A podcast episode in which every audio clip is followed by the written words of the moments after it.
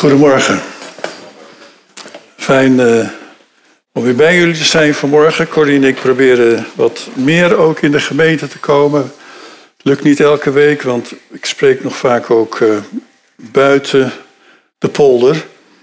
Uh, verleden week in Leeuwarden, volgende week in Den Haag. Maar de keren dat wij hier zijn, willen we graag ook hier in de gemeente komen. Die zullen ons iets meer zien wat dat betreft. en jullie laten ons wel heel erg thuis voelen, dat moet ik wel zeggen. Ik geniet elke zondag dat ik hier ben en ook Corrie. We zijn daar heel dankbaar voor. Hebben jullie, van, uh, hebben jullie eigenlijk al de tekst gelezen voor deze week? Week 10. Want we hebben dat gevolgd dat jullie dat uh, thema, mooie thema hebben opgepakt van de VPE, Zie Jezus. En uh, week 10 heeft ook een hele bijzondere tekst. En uh, daar gaan we zo, uh, zo even naar kijken. Ik wil daar even iets dieper op ingaan op die tekst, op dat gedeelte. En ook het thema daaraan verbinden. En dan kunnen we ook deze week, als jullie weer dat teruglezen, daar weer aan denken. Ik wil even kijken of eerste plaatje erop staat, want mijn thema vanmorgen is, komt uit die tekst Gods ja en nee. En heb ik bijgezet, we horen niet graag een nee, toch? We horen dat niet zo graag. En hebben ook vaak moeite om een nee te accepteren. Is dat niet zo? We horen liever ja dan een nee.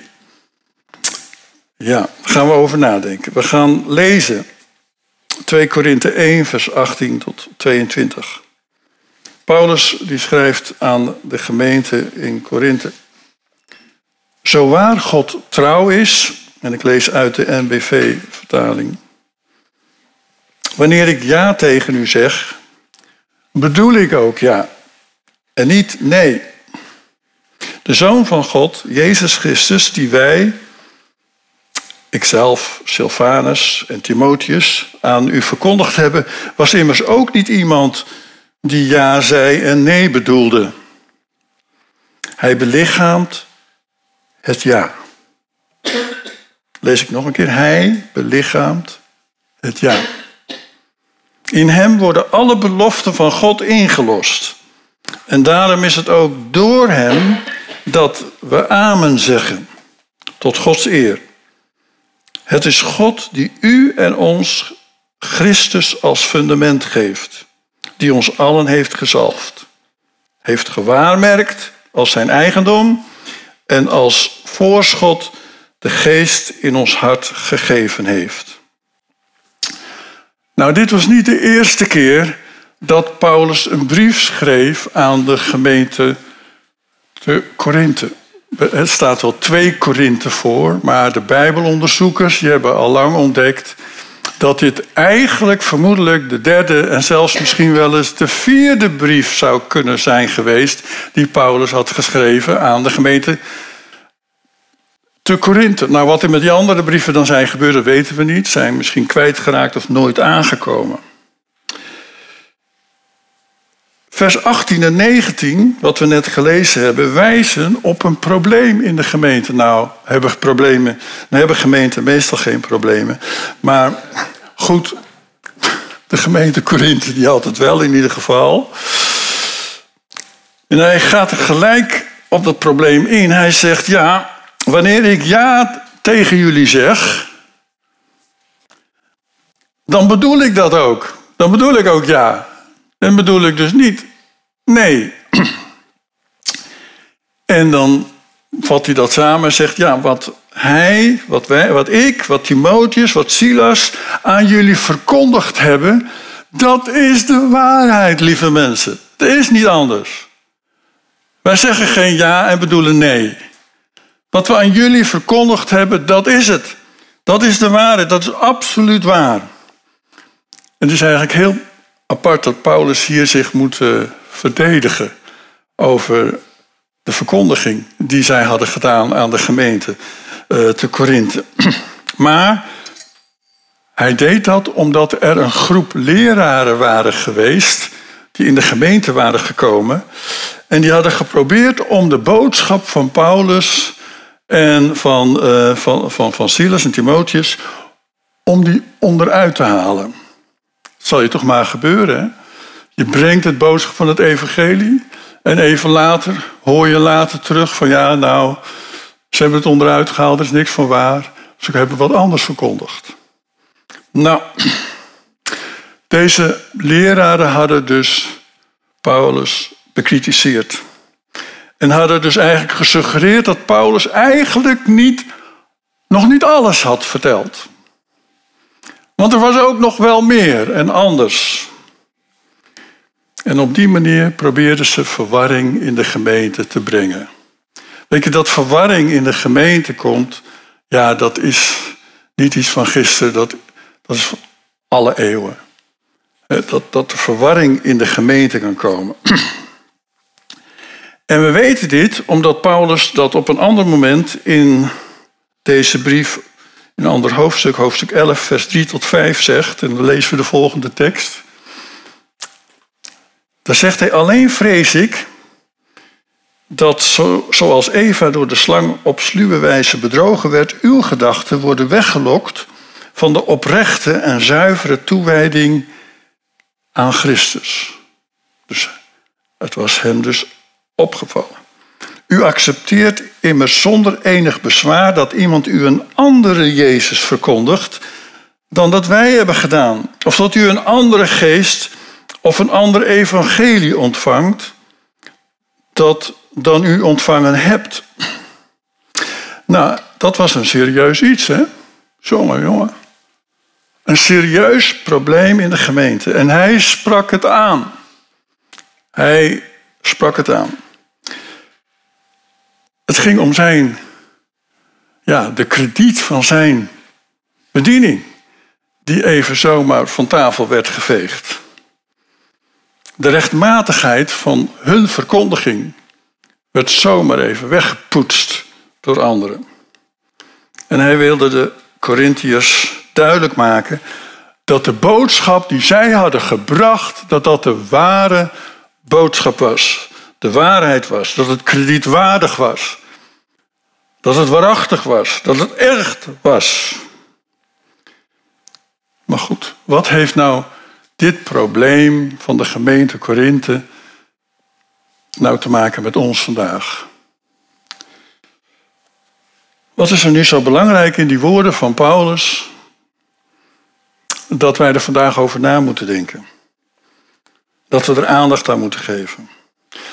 Nou, waarheid, het waar zijn, het echt zijn van het evangelie is natuurlijk de kern. Als wij daar niet van op aan kunnen, van de echtheid, van de waarheid van het evangelie. Ja, jongens, waarom zijn we dan hier vanmorgen? Wij zijn hier omdat wij geloven dat de boodschap van het evangelie waar is. Amen. Amen. Ja, toch? Zo is dat. En Paulus voelde hier dus een argument aan om vertrouwen te hebben in dat evangelie. Vertrouwen te hebben in de belofte van God. Nou, waar komt dat nou vandaan? Dat getwijfel aan wat waar is.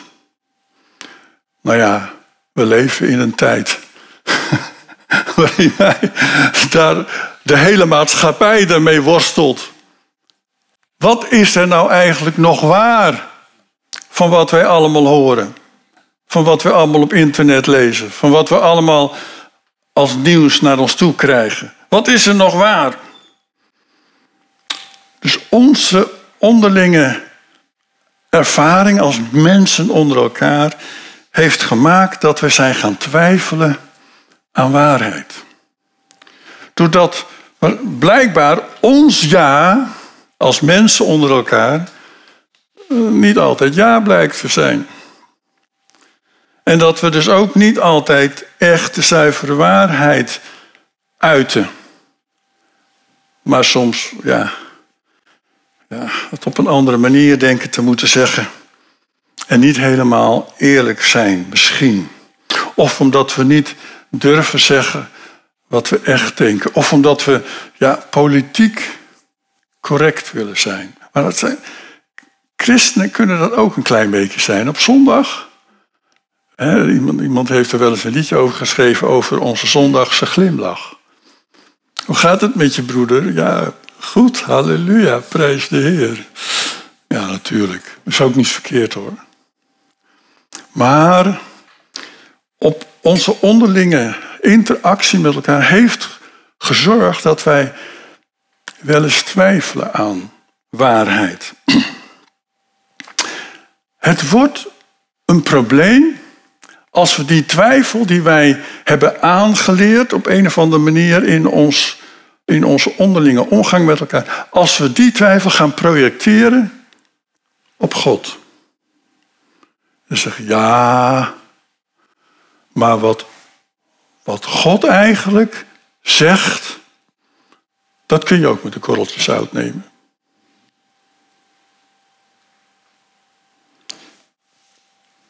Dan hebben we echt een probleem. En dat is ook wat, Paulus hier aanpakt. Dat we beginnen te twijfelen aan wat God zegt. In het bijzonder als het uh, over onze redding gaat. God is helemaal niet zo zoals wij daarin. Wat God zegt is waar. Waarheid komt bij Hem vandaan. Als God nee zegt, dan bedoelt God ook nee. Heb je wel eens meegemaakt dat God nee zegt? Niet meegemaakt? Ik heb heel vaak meegemaakt dat God nee zegt. Ja, heel vaak meegemaakt. Als je in de verleiding komt om andere dingen meer lief te hebben dan Hem, wat zegt God dan? Nee, niet doen. Als je boosheid je ertoe brengt om uh, je ouders of andere mensen te verwensen, of zelfs misschien iemand te haten, wat zegt God dan? Nee, niet doen.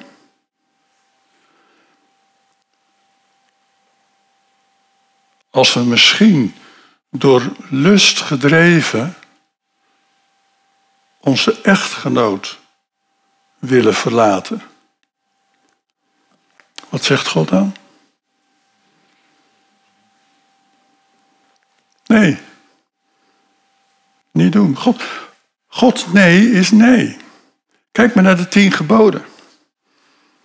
De tien geboden zijn er niet voor niks. En, en het is niet om ons, om ons te straffen of zo, of het ons moeilijk te maken. Gods nee is, dat, is als het ware als het nee wat je ook wel eens tegen je kind zegt. Toch? Gelukkig maar. Eh, dat je het kind wil bewaren voor ongelukken, voor, voor problemen. Dan zeg, dan zeg je nee. En soms zegt God ook wel eens nee tegen ons. Maar houden we niet van nee, toch? Was het nou? Eigenlijk is God daarin best wel streng op zich. Maar trouwens, de tien geboden kun je ook lezen als steuntje in de rug voor een heel gelukkig leven hier op aarde. Als je je daaraan houdt. Als je dus gehoorzaam bent aan het nee van God. Maar we houden toch niet zo erg van nee. Tenminste, nee. Nee is eigenlijk een vervelend woord geworden in ons leven, of niet? Ja, je zal toch maar je eerste verkering, hè? Weet je het nog? En toen je dan uh, dat meisje vroeg en ze zei nee. Nou, hoe voelde je je toen? Dat was pijnlijk. Je voelde je afgewezen. Nee, daar houden we niet van. Van dat soort nee houden we zeker niet. En ook in je eigen leven kun je wel eens van dat soort nee's wel weer terugroepen. Ik weet nog wel dat ik, ja, dat ik echt ervoer dat ik een roeping van de Heer kreeg in mijn leven. En naar, naar, mijn, naar mijn vader toe ging, naar mijn ouders toe ging, mijn vader voornamelijk. En zei, ik, ik wil de Heer dienen, ik wil de Heer volgen. Dus het wordt niet ingenieur worden, maar het wordt bijbelschool. En hij was ingenieur.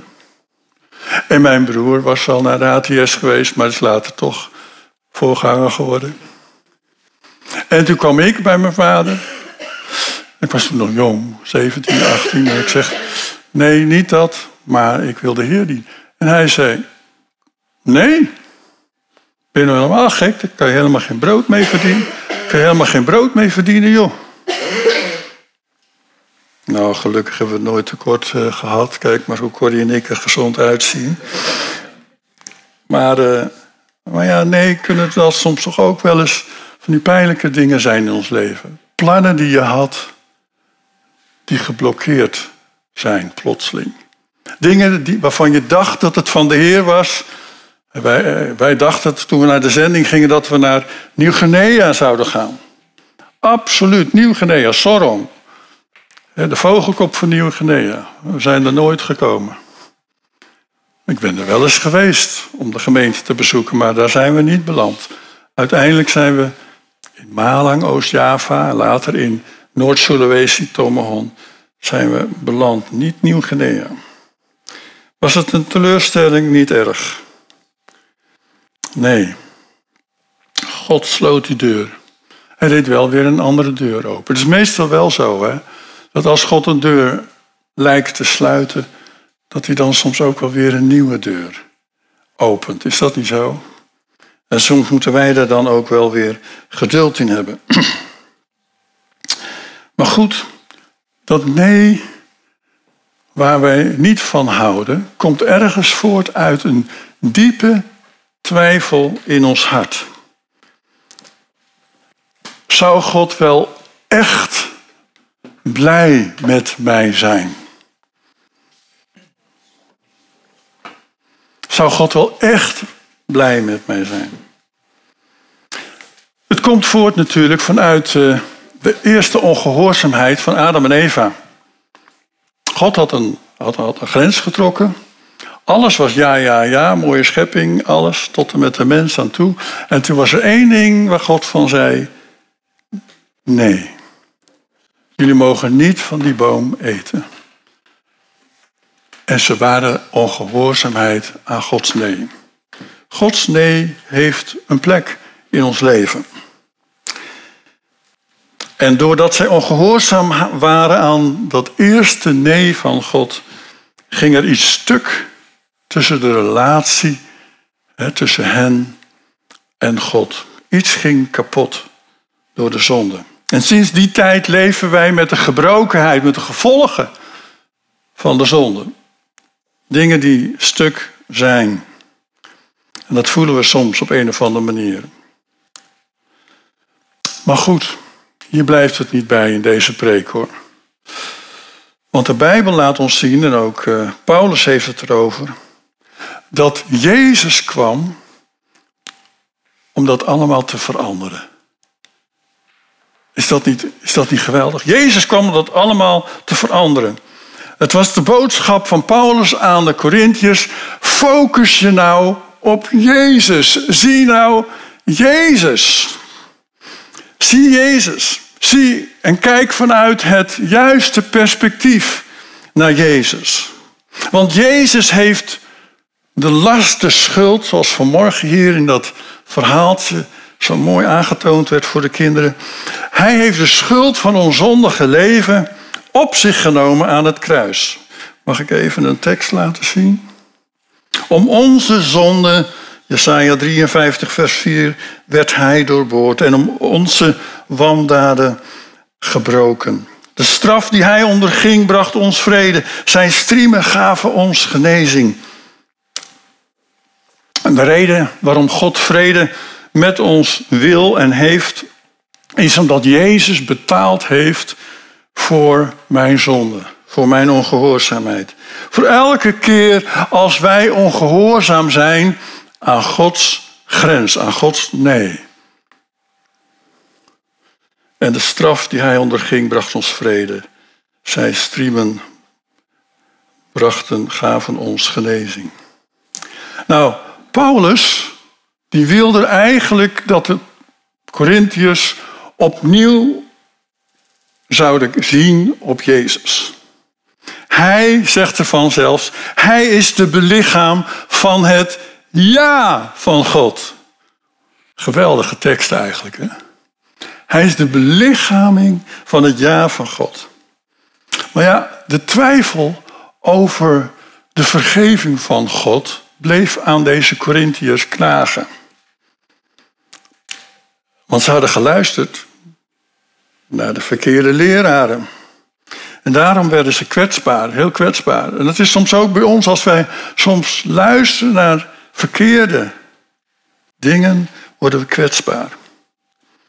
Die leraren hadden een andere wegen aangepraat dan Jezus.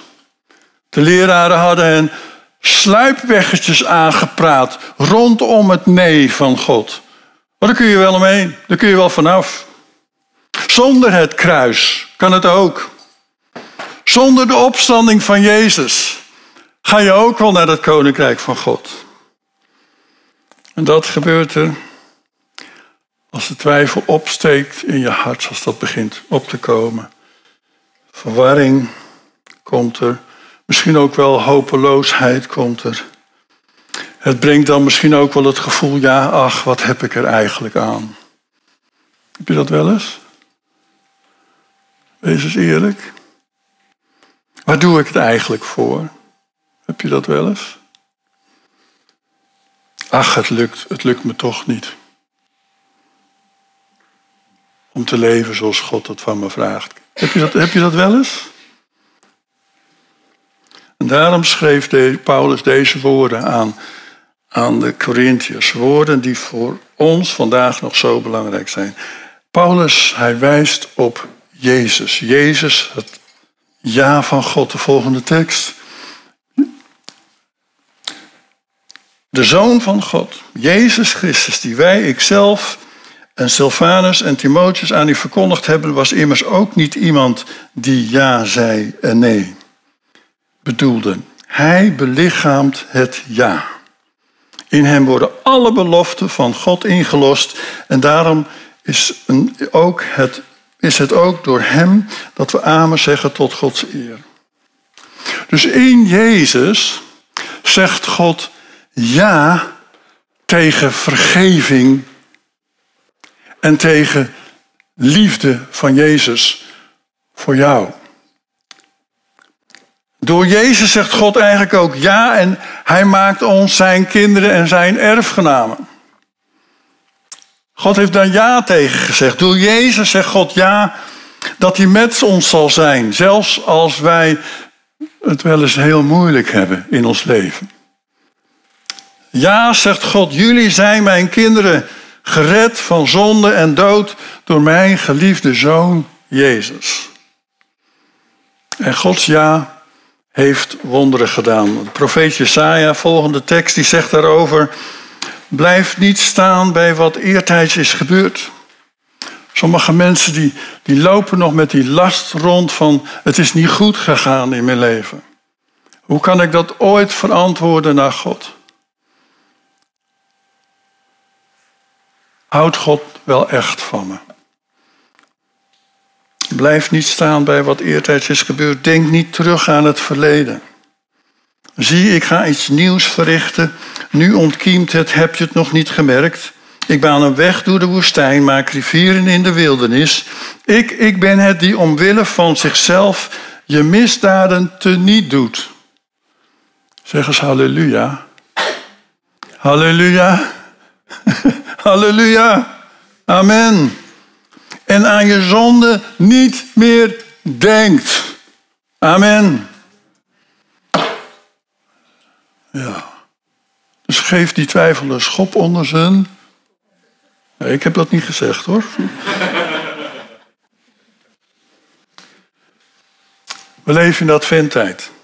Toch? Klein beetje. In onze gemeente wordt het niet zo nadruk op gelegd. Maar toch wel in de verwachting van de komst. Hè? Kerst wat er gaat komen. Maar ook wij leven ook in die verwachting van die tweede advent. Van die wederkomst van de Heer Jezus Christus. Jezus die als een baby naar deze aarde is gekomen. En, en hier is opgegroeid. En, en, volwassen is geworden. En, en stierf aan het kruis op Golgotha.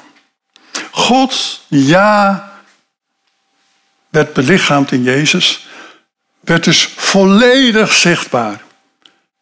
In zijn baby zijn, in zijn kind zijn, in zijn jeugd zijn, in zijn volwassen zijn, in zijn sterven aan het kruis op Golgotha. En vandaag is Gods ja hier, nu, bij ons aanwezig. Amen. Het is nog steeds onder ons als we knielen bij het kruis is Gods ja aanwezig. Als we onze zonde beleiden, is Gods ja aanwezig. Ontvangen we net als die verlamde man in het evangelie, ontvangen wij vergeving. Als we rond de tafel hè, met brood en wijn deelnemen straks, als we daar rond staan, dan zijn dat tekenen van wat Jezus gedaan heeft voor ons. En dat is Gods ja voor jou.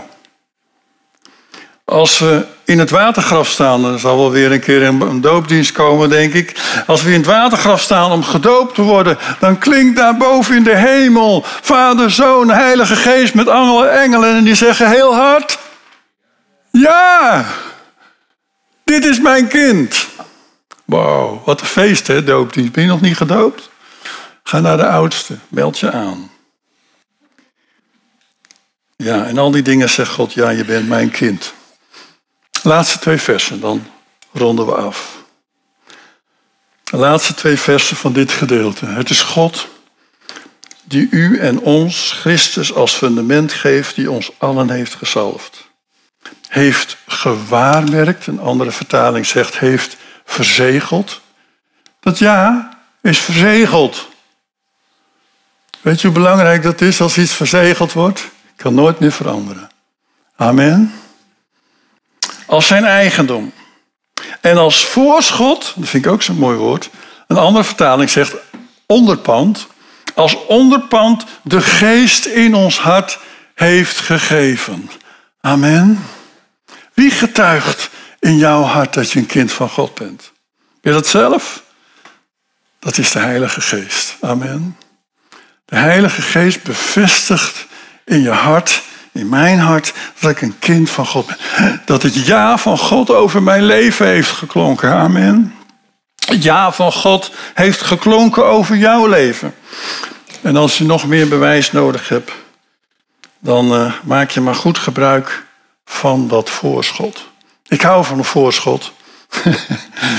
Af en toe dan, uh, hè, dan hebben we dat dus nodig, zo'n voorschot, weet je wel, als je geld tekort hebt. En, uh, het is er wel. En het is ook van jou. En daar mag je vast een deel van ontvangen. En God heeft ons als voorschot, als onderpand, de geest gegeven. Die voortdurend in jou, in mij, het ja van God roept. Ja, je bent mijn eigendom. Ik heb verzegeld. Het is een garantie voor alles wat God ons beloofd heeft in Christus Jezus. En kunnen wij daar vanmorgen met z'n allen amen op zeggen? Amen. En als je nog eens een keer die twijfel voelt opkomen. Nou ja, je hebt gewoon net gehoord dat iemand dat zei. Wat je dan moet doen met die twijfel. Luister daar niet naar. Laat je niet verwarren.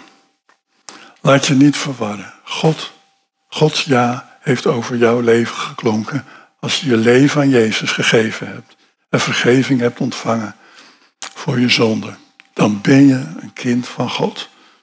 En laat de duivel je niet iets anders influisteren. Zullen we gaan staan met elkaar?